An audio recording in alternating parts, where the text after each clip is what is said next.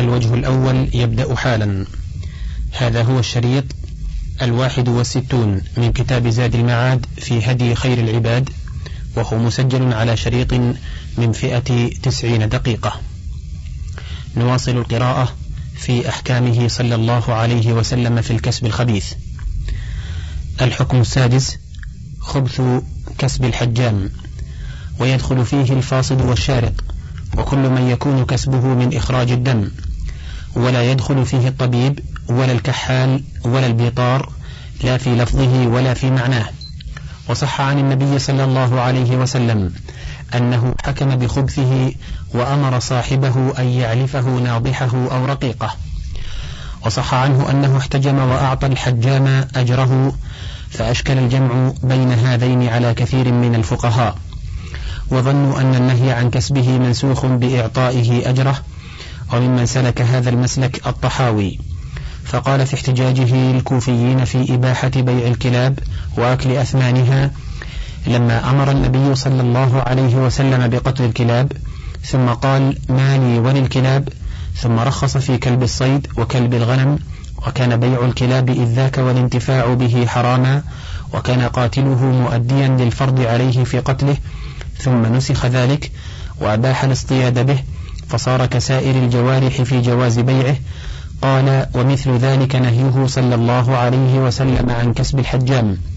وقال كسب الحجام خبيث ثم أعطى الحجام أجره وكان ذلك ناسخا لمنعه وتحريمه ونهيه. انتهى كلامه. وأسهل ما في هذه الطريقة أنها دعوى مجردة لا دليل عليها فلا تقبل. كيف؟ وفي الحديث نفسه ما يبطلها. فإنه صلى الله عليه وسلم أمر بقتل الكلاب ثم قال ما بالهم وبال الكلاب ثم رخص لهم في كلب الصيد.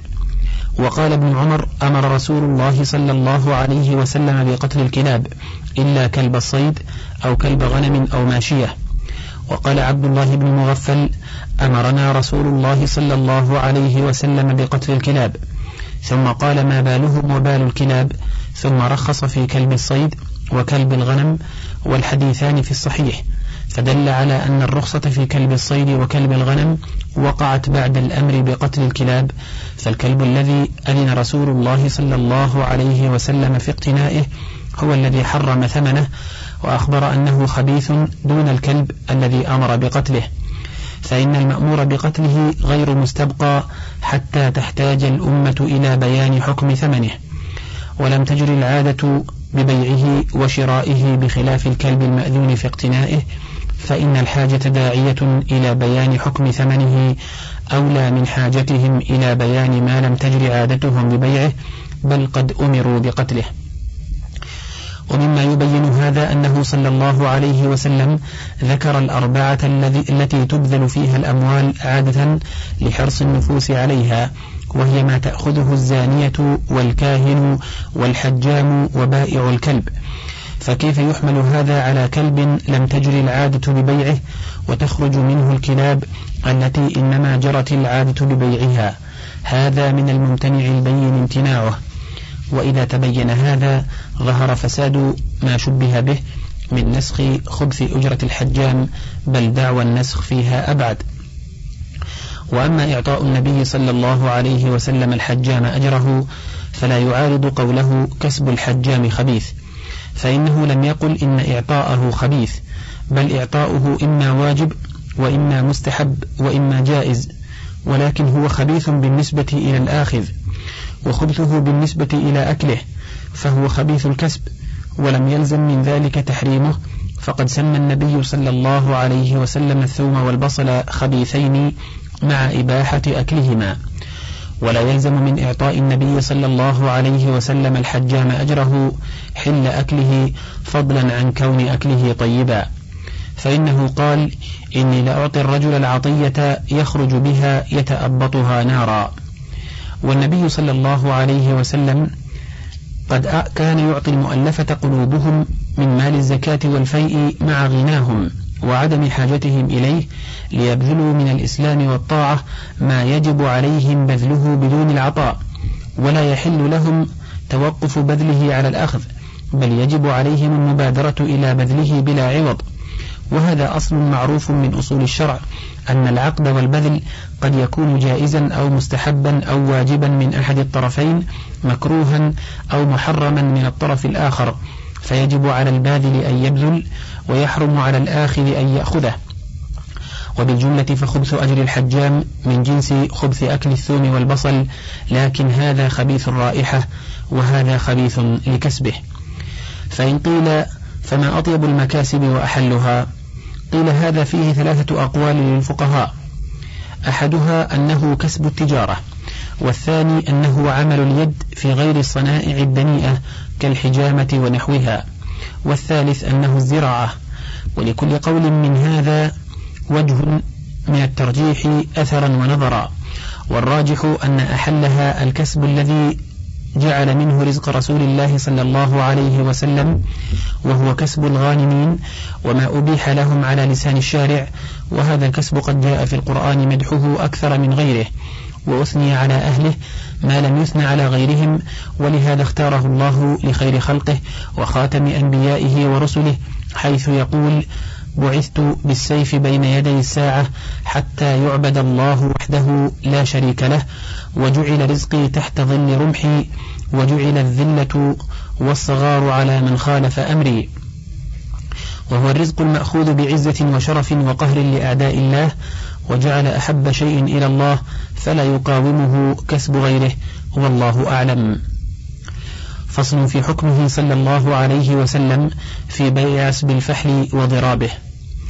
في صحيح البخاري عن ابن عمر أن النبي صلى الله عليه وسلم نهى عن عسب الفحل.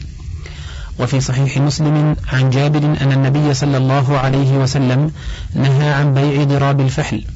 وهذا الثاني تفسير للأول.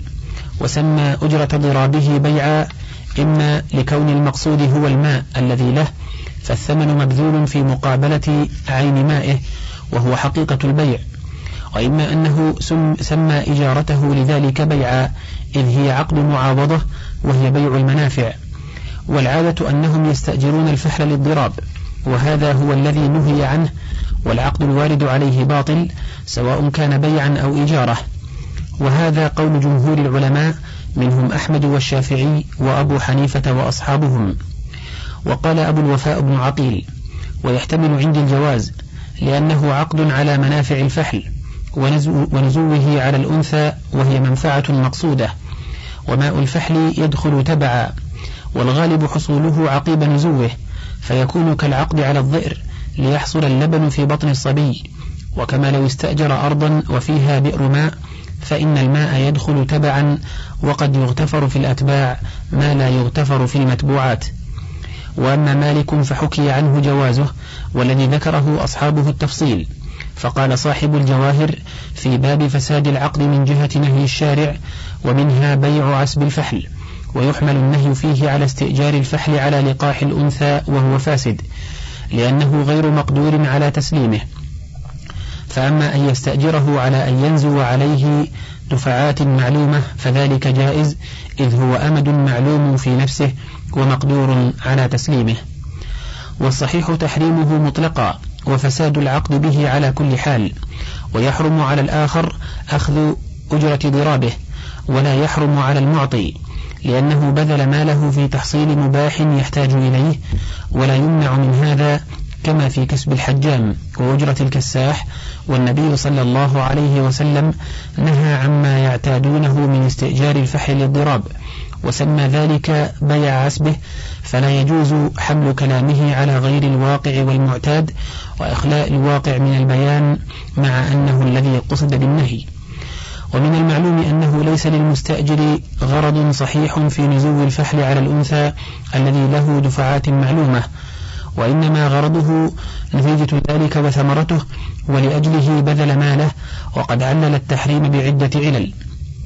إحداها أنه لا يقدر على تسليم المعقود عليه فأشبه إجارة الآبق فإن ذلك متعلق باختيار الفحل وشهوته. الثانية أن المقصود هو الماء وهو مما لا يجوز إفراده بالعقد فإنه مجهول القدر والعين وهذا بخلاف إجارة الظئر فإنها احتملت بمصلحة الآدمي فلا يقاس عليها غيرها. وقد يقال والله أعلم إن النهي عن ذلك من محاسن الشريعة وكمالها فإن مقابلة ماء الفحل بالأثمان وجعله محلا لعقود المعاوضات مما هو مستقبح ومستهجن عند العقلاء وفاعل ذلك عندهم ساقط من أعينهم في أنفسهم. وقد جعل الله سبحانه فطر عباده لا سيما المسلمين ميزانا للحسن والقبيح. فما رآه المسلمون حسنا فهو عند الله حسن وما رآه المسلمون قبيحا فهو عند الله قبيح. ويزيد هذا بيانا أن ماء الفحل لا قيمة له ولا هو مما يعاوض عليه. ولهذا لو نزى فحل الرجل على رمكة غيره فأولدها فالولد لصاحب الرمكة اتفاقا. لأنه لم ينفصل عن الفحل إلا مجرد الماء وهو لا قيمة له. فحرمت هذه الشريعة الكاملة المعاوضة على ضرابه ليتناوله الناس بينهم مجانا لما فيه من تكثير النسل المحتاج إليه من غير إضرار بصاحب الفحل ولا نقصان من ماله فمن محاسن الشريعة إيجاب بذل هذا مجانا كما قال النبي صلى الله عليه وسلم إن من حقها إطراق فحلها وإعارة دلوها. فهذه حقوق يضر بالناس منعها إلا بالمعاوضة فأوجبت الشريعة بذلها مجانا. فإن قيل فإذا أهدى صاحب الأنثى إلى صاحب الفحل هدية أو ساق إليه كرامة فهل له أخذها؟ قيل إن كان ذلك على وجه المعاوضة والاشتراط في الباطن لم يحل له أخذه وإن لم يكن كذلك فلا بأس به. قال أصحاب أحمد والشافعي وإن أعطى صاحب الفحل هدية أو كرامة من غير إجارة جاز. واحتج أصحابنا بحديث روي عن أنس رضي الله عنه عن النبي صلى الله عليه وسلم أنه قال إذا كان إكراما فلا بأس ذكره صاحب المغني ولا أعرف حال هذا الحديث ولا من خرجه. وقد نص أحمد في رواية ابن القاسم على خلافه. فقيل له ألا يكون مثل الحجام يعطى وإن كان منهيا عنه؟ فقال لم يبلغنا أن النبي صلى الله عليه وسلم أعطى في مثل هذا شيئا كما بلغنا في الحجام. واختلف أصحابنا في حمل كلام أحمد رحمه الله على ظاهره أو تأويله فحمله القاضي على ظاهره وقال هذا مقتضى النظر لكن ترك مقتضاه في الحجام فبقي فيما عداه على مقتضى القياس. وقال أبو محمد في المغني كلام أحمد يحمل على الورع لا على التحريم والجواز أرفق بالناس وأوفق للقياس. ذكر حكم رسول الله صلى الله عليه وسلم في المنع من بيع الماء الذي يشترك فيه الناس. ثبت في صحيح مسلم من حديث جابر رضي الله عنه قال نهى رسول الله صلى الله عليه وسلم عن بيع فضل الماء. وفيه عنه قال نهى رسول الله صلى الله عليه وسلم عن بيع ضراب الفحل وعن بيع الماء والأرض لتحرث فعن ذلك نهى رسول الله صلى الله عليه وسلم. وفي الصحيحين عن أبي هريرة رضي الله عنه أن رسول الله صلى الله عليه وسلم قال لا يمنع فضل الماء ليمنع به الكلى وفي لفظ آخر لا تمنعوا فضل الماء لتمنعوا به الكلى وقال البخاري في بعض طرقه لا تمنعوا فضل الماء لتمنعوا به فضل الكلى وفي المسند من حديث عمرو بن شعيب عن أبيه عن جده رضي الله عنه عن النبي صلى الله عليه وسلم قال من منع فضل مائه أو فضل كلائه منعه الله فضله يوم القيامة. وفي سنن ابن ماجه من حديث أبي هريرة رضي الله عنه قال قال رسول الله صلى الله عليه وسلم ثلاث لا يمنعن الماء والكلأ والنار. وفي سننه أيضا عن ابن عباس رضي الله عنهما قال قال رسول الله صلى الله عليه وسلم المسلمون شركاء في ثلاث الماء والنار والكلأ وثمنه حرام. وفي صحيح البخاري من حديث أبي هريرة رضي الله عنه قال قال رسول الله صلى الله عليه وسلم ثلاثة لا ينظر الله عز وجل إليهم يوم القيامة ولا يزكيهم ولهم عذاب أليم. رجل كان له فضل ماء بالطريق فمنعه من ابن السبيل ورجل بايع إمامه لا يبايعه إلا للدنيا فإن أعطاه منها رضي وإن لم يعطه منها سخط. ورجل أقام سلعة بعد العصر فقال والله الذي لا إله غيره لقد أعطيت بها كذا وكذا. فصدقه رجل ثم قرأ هذه الآية إن الذين يشترون بعهد الله وأيمانهم ثمنا قليلا الآية. وفي سنن أبي داود عن بهيسة قالت استأذن أبي النبي صلى الله عليه وسلم فجعل يدنو منه ويلتزمه ثم قال يا نبي الله ما الشيء الذي لا يحل منعه؟ قال الماء. قال يا نبي الله ما الشيء الذي لا يحل منعه؟ قال الملح. قال يا نبي الله ما الشيء الذي لا يحل منعه؟ قال أن تفعل الخير خير لك. الماء خلقه الله في الأصل مشتركا بين العباد والبهائم وجعله سقيا لهم فلا يكون أحد أخص به من أحد. ولو أقام عليه وتنأ عليه قال عمر بن الخطاب رضي الله عنه ابن السبيل أحق بالماء من التانئ عليه. ذكره أبو عبيد عنه.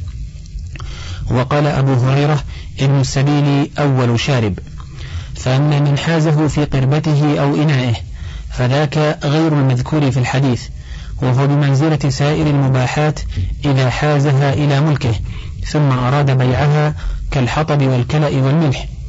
وقد قال النبي صلى الله عليه وسلم لا يأخذ أحدكم حبله فيأتي بحزمة حطب على ظهره فيبيعها فيكف الله بها وجهه خير له من أن يسأل الناس أعطوه أو منعوه.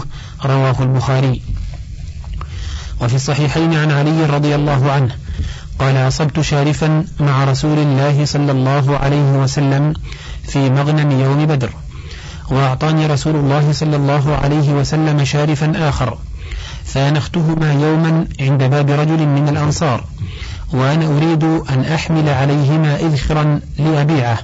وذكر الحديث. فهذا في الكلأ والحطب المباح بعد أخذه وإحرازه. وكذلك السمك وسائر المباحات.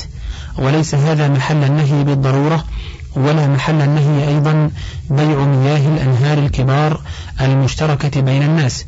فإن هذا لا يمكن منعها والحجر عليها وإنما محل النهي صور.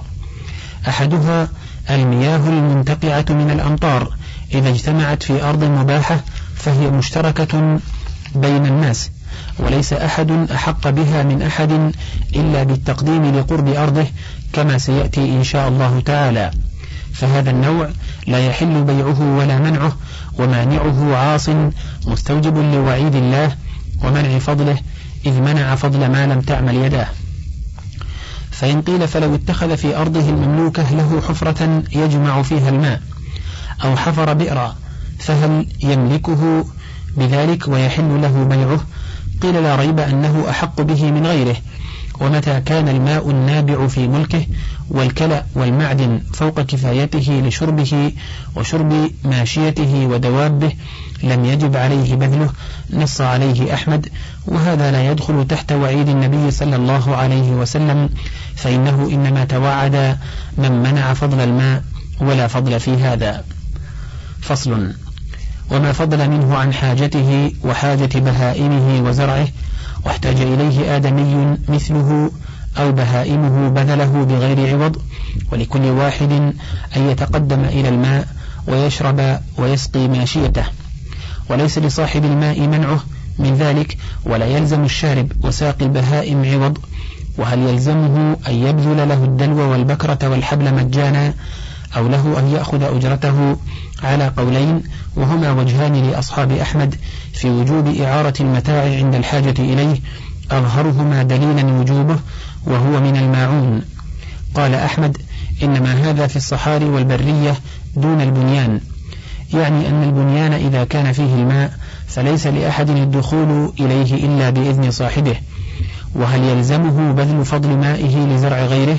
فيه وجهان وهما روايتان عن أحمد. أحدهما لا يلزمه وهو مذهب الشافعي لأن الزرع لا حرمة له في نفسه ولهذا لا يجب على صاحبه سقيه بخلاف الماشية. والثاني يلزمه بذله واحتج لهذا القول بالأحاديث المتقدمة وعمومها. وبما روي عن عبد الله بن عمرو أن قيم أرضه بالوهط كتب إليه يخبره أنه سقى أرضه وفضل له من الماء فضل يطلب بثلاثين ألفا. فكتب إليه عبد الله بن عمرو رضي الله عنهما أقم قلدك ثم اسق الأدنى فالأدنى فإني سمعت رسول الله صلى الله عليه وسلم ينهى عن بيع فضل الماء. قالوا وفي منعه من سقي الزرع إهلاكه وإفساده فحرم كالماشية وقولكم لا حرمة له فلصاحبه حرمة. فلا يجوز التسبب إلى إهلاك ماله. ومن سلم لكم أنه لا حرمة للزرع. قال أبو محمد المقدسي ويحتمل أن يمنع نفي الحرمة عنه فإن إضاعة المال منهي عنها وإتلافه محرم وذلك دليل على حرمته. فإن قيل فإذا كان في أرضه أو داره بئر نابعة أو عين مستنبطة فهل تكون ملكا له تبعا لملك الأرض والدار؟ قيل أما نفس البئر وأرض العين فمملوكة لمالك الأرض. وأما الماء ففيه قولان وهما روايتان عن أحمد ووجهان لأصحاب الشافعي.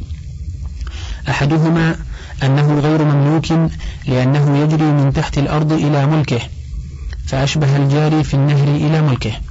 والثاني أنه مملوك له قال أحمد في رجل له أرض ولآخر ماء فاشترك صاحب الأرض وصاحب الماء في الزرع يكون بينهما فقال لا بأس وهذا القول اختيار أبي بكر. وفي معنى الماء المعادن الجارية في الأملاك كالقاري والنفط والمومياء والملح وكذلك الكلأ النابت في أرضه كل ذلك يخرج على الروايتين في الماء. وظاهر المذهب أن هذا الماء لا يملك وكذلك هذه الأشياء. قال أحمد لا يعجبني بيع الماء البتة. وقال الأثرم سمعت أبا عبد الله يسأل عن قوم بينهم نهر تشرب منه أرضهم لهذا اليوم ولهذا يومان يتفقون عليه بالحصص فجاء يومي ولا أحتاج إليه أكريه بدراهم. قال ما أدري. أما النبي صلى الله عليه وسلم فنهى عن بيع الماء. قيل إنه ليس يبيعه إنما يكريه. قال إنما احتالوا بهذا ليحسنوه فأي شيء هذا إلا البيع. انتهى. وأحاديث اشتراك الناس في الماء دليل ظاهر على المنع من بيعه. وهذه المسألة التي سئل عنها أحمد هي التي قد ابتلي بها الناس في أرض الشام وبساتينه وغيرها. فإن الأرض والبستان يكون له حق من الشرب من نهر فيفصل عنه أو يبنيه دورا وحوانيت ويؤجر ماءه فقد توقف أحمد أولا ثم أجاب بأن النبي صلى الله عليه وسلم نهى عن بيع الماء. فلما قيل له إن هذا إن هذه إجارة قال هذه التسمية حيلة وهي تحسين اللفظ. وحقيقة العقد البيع وقواعد الشريعة تقتضي المنع من بيع هذا الماء فإنه إنما كان له حق التقديم في سقي أرضه من هذا الماء المشترك بينه وبين غيره فإذا استغنى عنه لم يجز له المعاوضة عنه وكان المحتاج إليه أولى به بعده وهذا كمن أقام على معدن فأخذ منه حاجته لم يجز له أن يبيع باقيه بعد نزعه عنه. وكذلك من سبق إلى الجلوس في رحبة أو طريق واسعة فهو أحق بها ما دام جالسا فإذا استغنى عنها وأجر مقعده لم يجز وكذلك الأرض المباحة إذا كان فيها كلأ أو عشب فسبق بدوابه إليه فهو أحق برعيه ما دامت دوابه فيه. فإذا طلب الخروج منها وبيع ما فضل عنه لم يكن له ذلك وهكذا هذا الماء سواء. فإنه إذا فارق أرضه لم يبق له فيه حق وصار بمنزلة الكلأ الذي لا اختصاص له به ولا هو في أرضه. فإن قيل الفرق بينهما أن هذا الماء في نفس أرضه فهو منفعة من منافعها فملكه بملكها كسائر منافعها بخلاف ما ذكرتم من الصور فإن تلك الأعيان ليست من ملكه وإنما له حق الانتفاع والتقديم إذا سبق خاصة.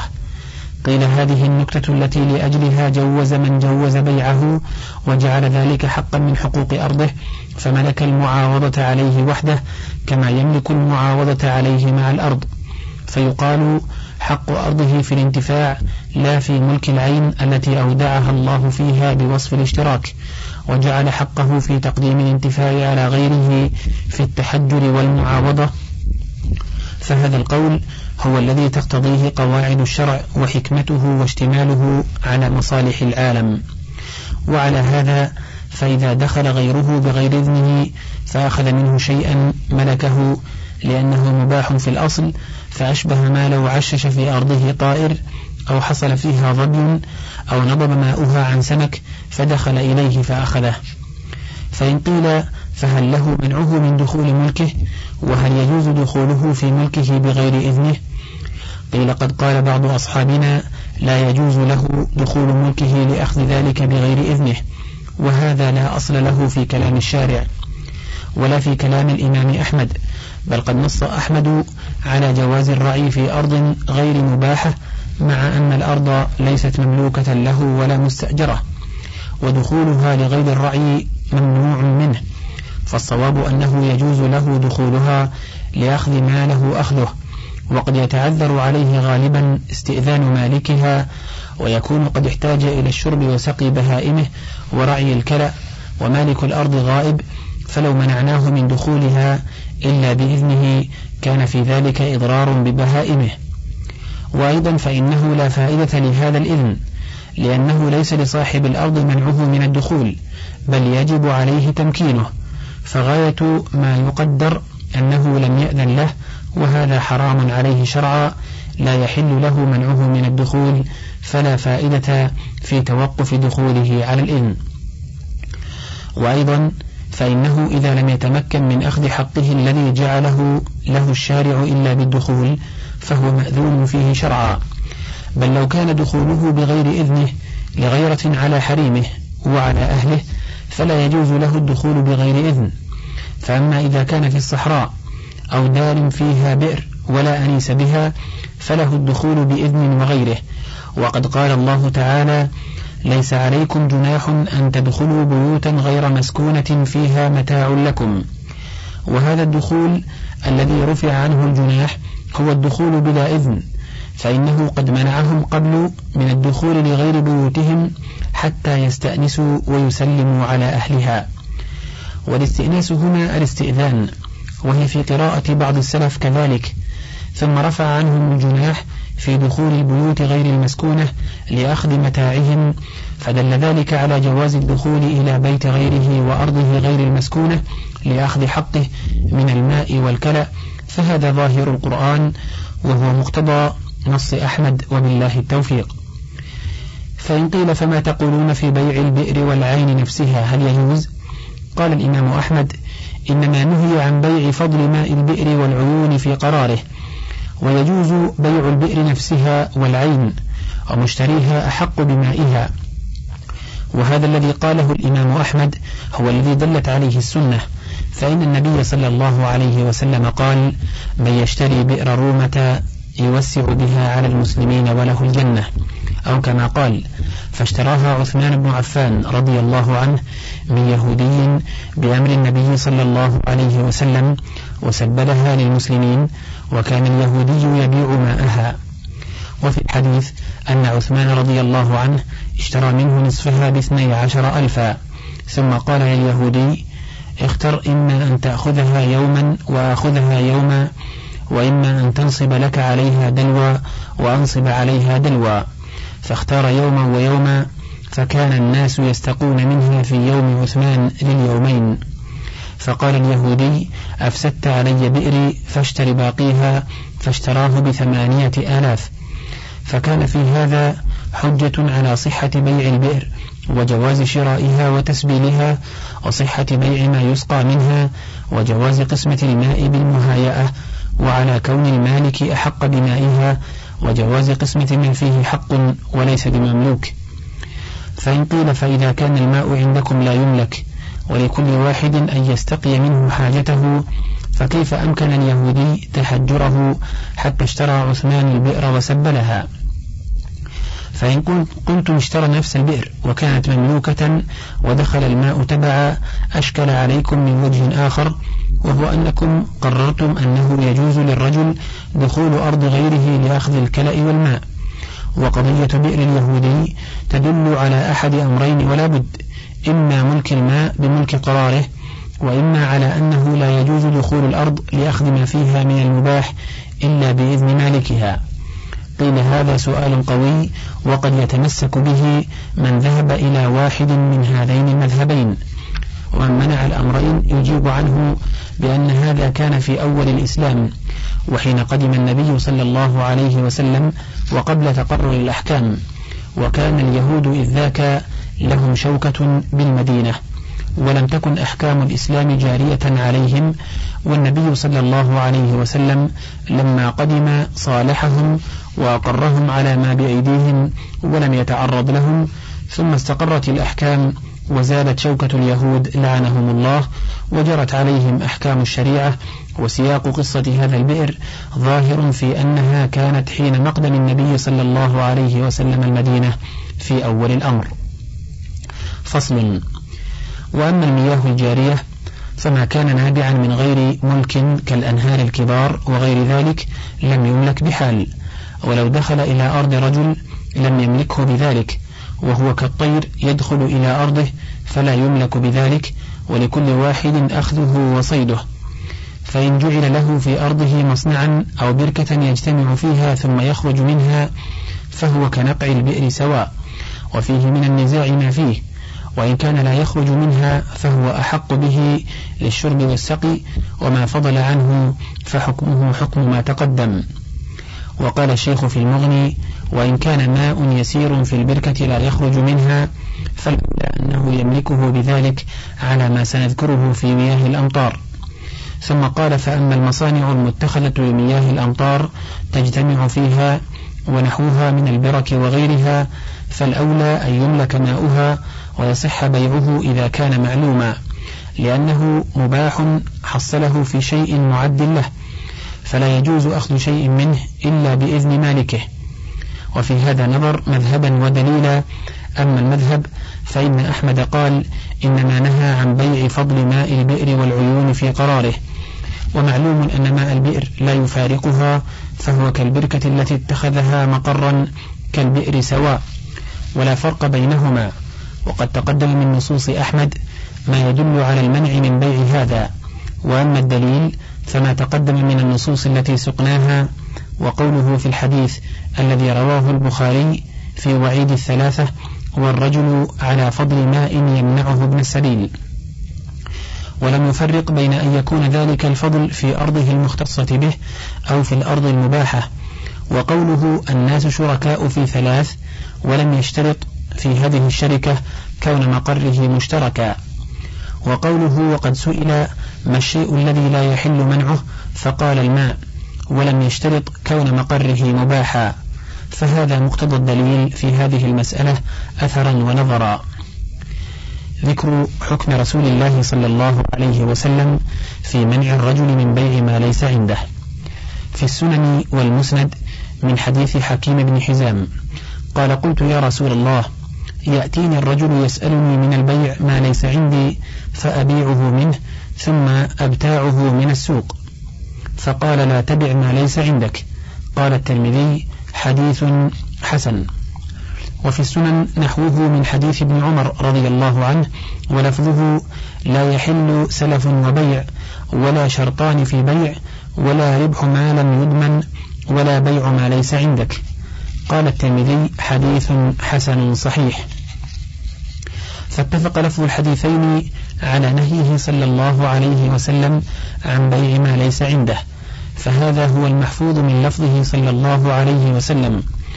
وهو يتضمن نوعا من الغرر فإنه إذا باعه شيئا معينا وليس في ملكه ثم مضى ليشتريه أو يسلمه له كان مترددا بين الحصول وعدمه. فكان غررا يشبه القمار فنهي عنه. وقد ظن بعض الناس أنه إنما نهى عنه لكونه معدوما فقال لا يصح بيع المعدوم. وروى في ذلك حديثا أنه صلى الله عليه وسلم نهى عن بيع المعدوم. وهذا الحديث لا يعرف في شيء من كتب الحديث ولا أصل له. والظاهر أنه مروي بالمعنى من هذا الحديث وغلط من ظن أن معناهما واحد. وأن هذا المنهي عنه في حديث حكيم وابن عمرو رضي الله عنه لا يلزم أن يكون معدوما وإن كان فهو معدوم خاص فهو كبيع حبل الحبلة وهو معدوم يتضمن غارا وترددا في حصوله.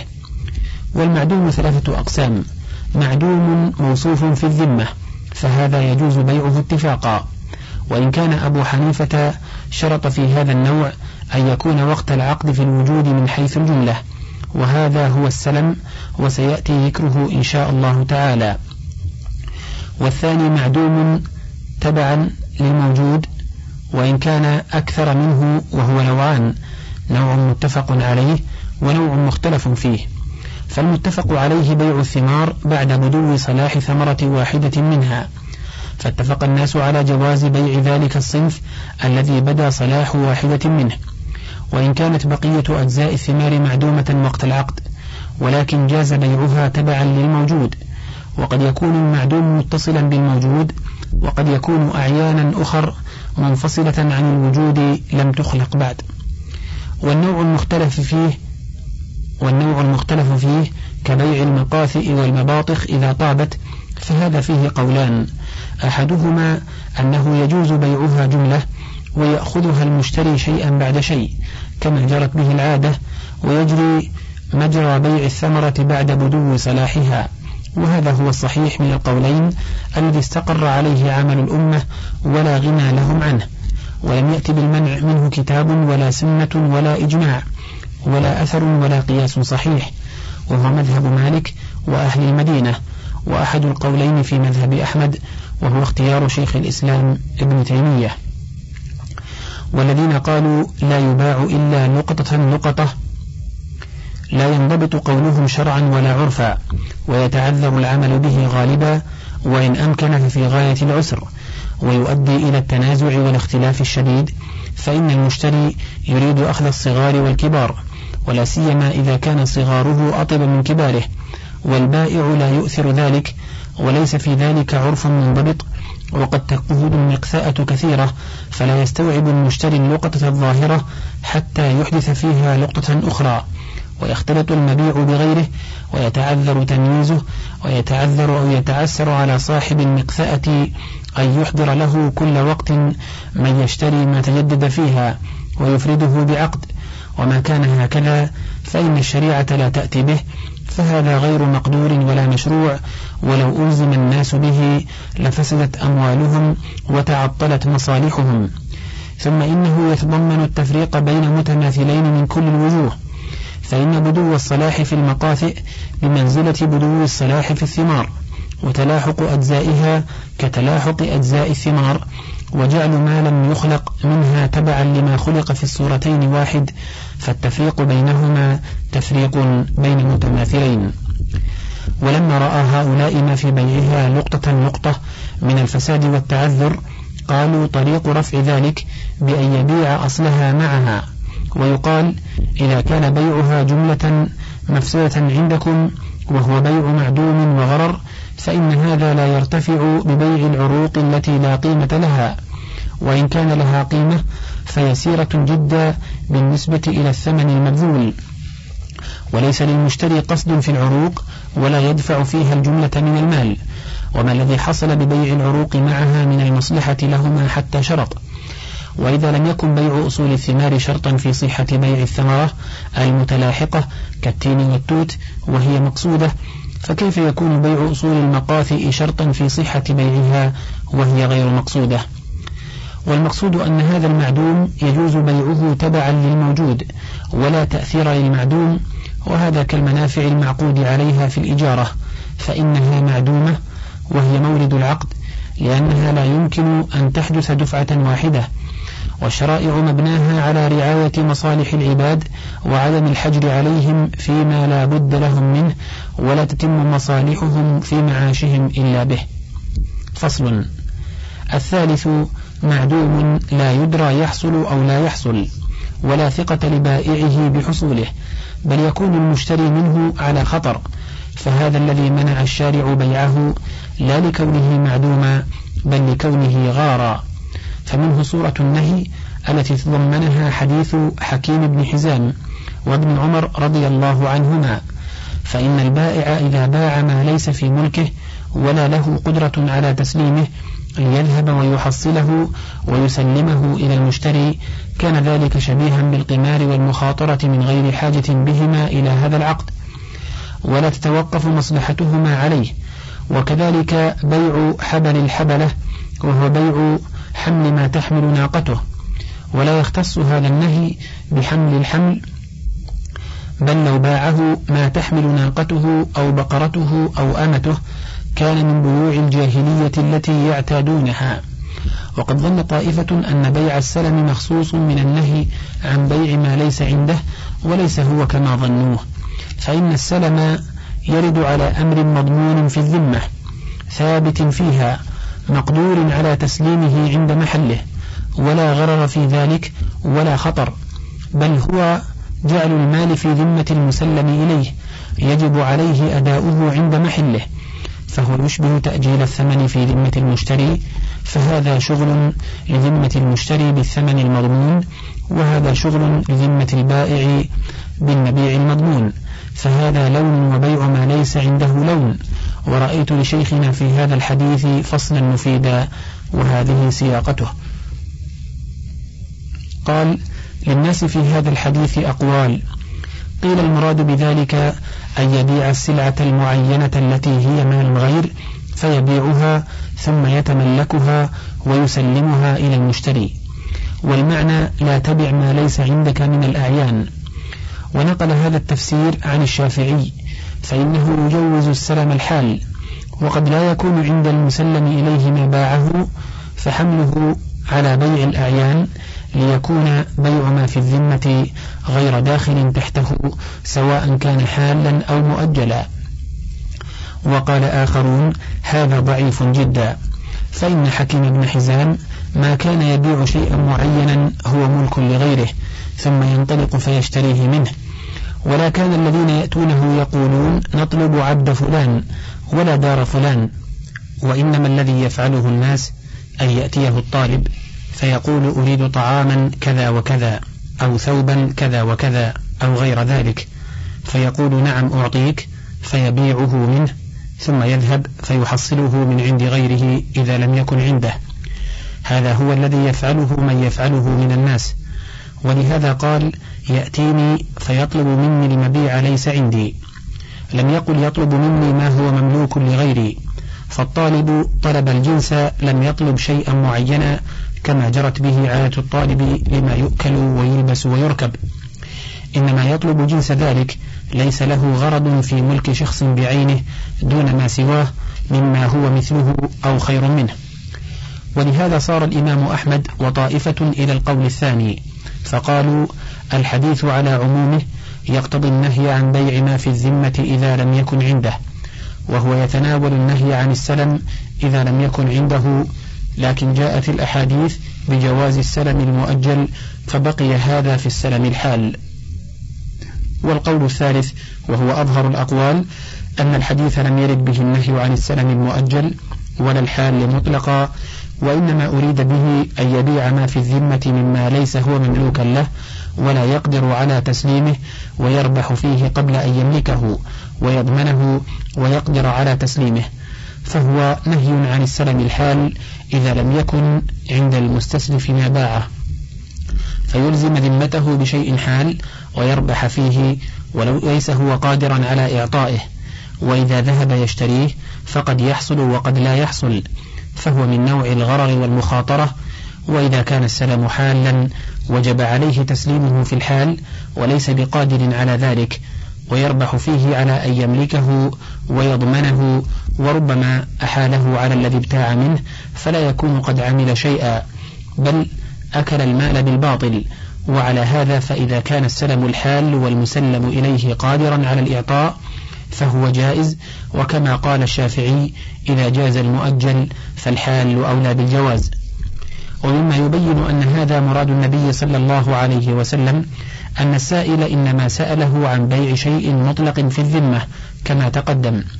لكن إذا لم يجز بيع ذلك فبيع المعين الذي لم يملكه أولى بالمنع. وإذا كان إنما سأله عن بيع شيء في الذمة فإنما سأله عن بيعه حالا. فإنه قال أبيعه ثم أذهب فأبتاعه. فقال له لا تبع ما ليس عندك.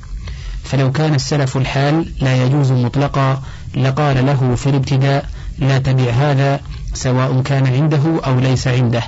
فإن صاحب هذا القول يقول بيع ما في الذمة حالا لا يجوز ولو كان عنده ما يسلمه بل إذا كان عنده فإنه لا يبيع إلا معينا لا يبيع شيئا في الذمة. فلما لم ينهى النبي صلى الله عليه وسلم عن ذلك مطلقا بل قال لا تبع ما ليس عندك علم أنه صلى الله عليه وسلم فرق بين ما هو عنده ويملكه ويقدر على تسليمه وما ليس كذلك وإن كان كلاهما في الذمة.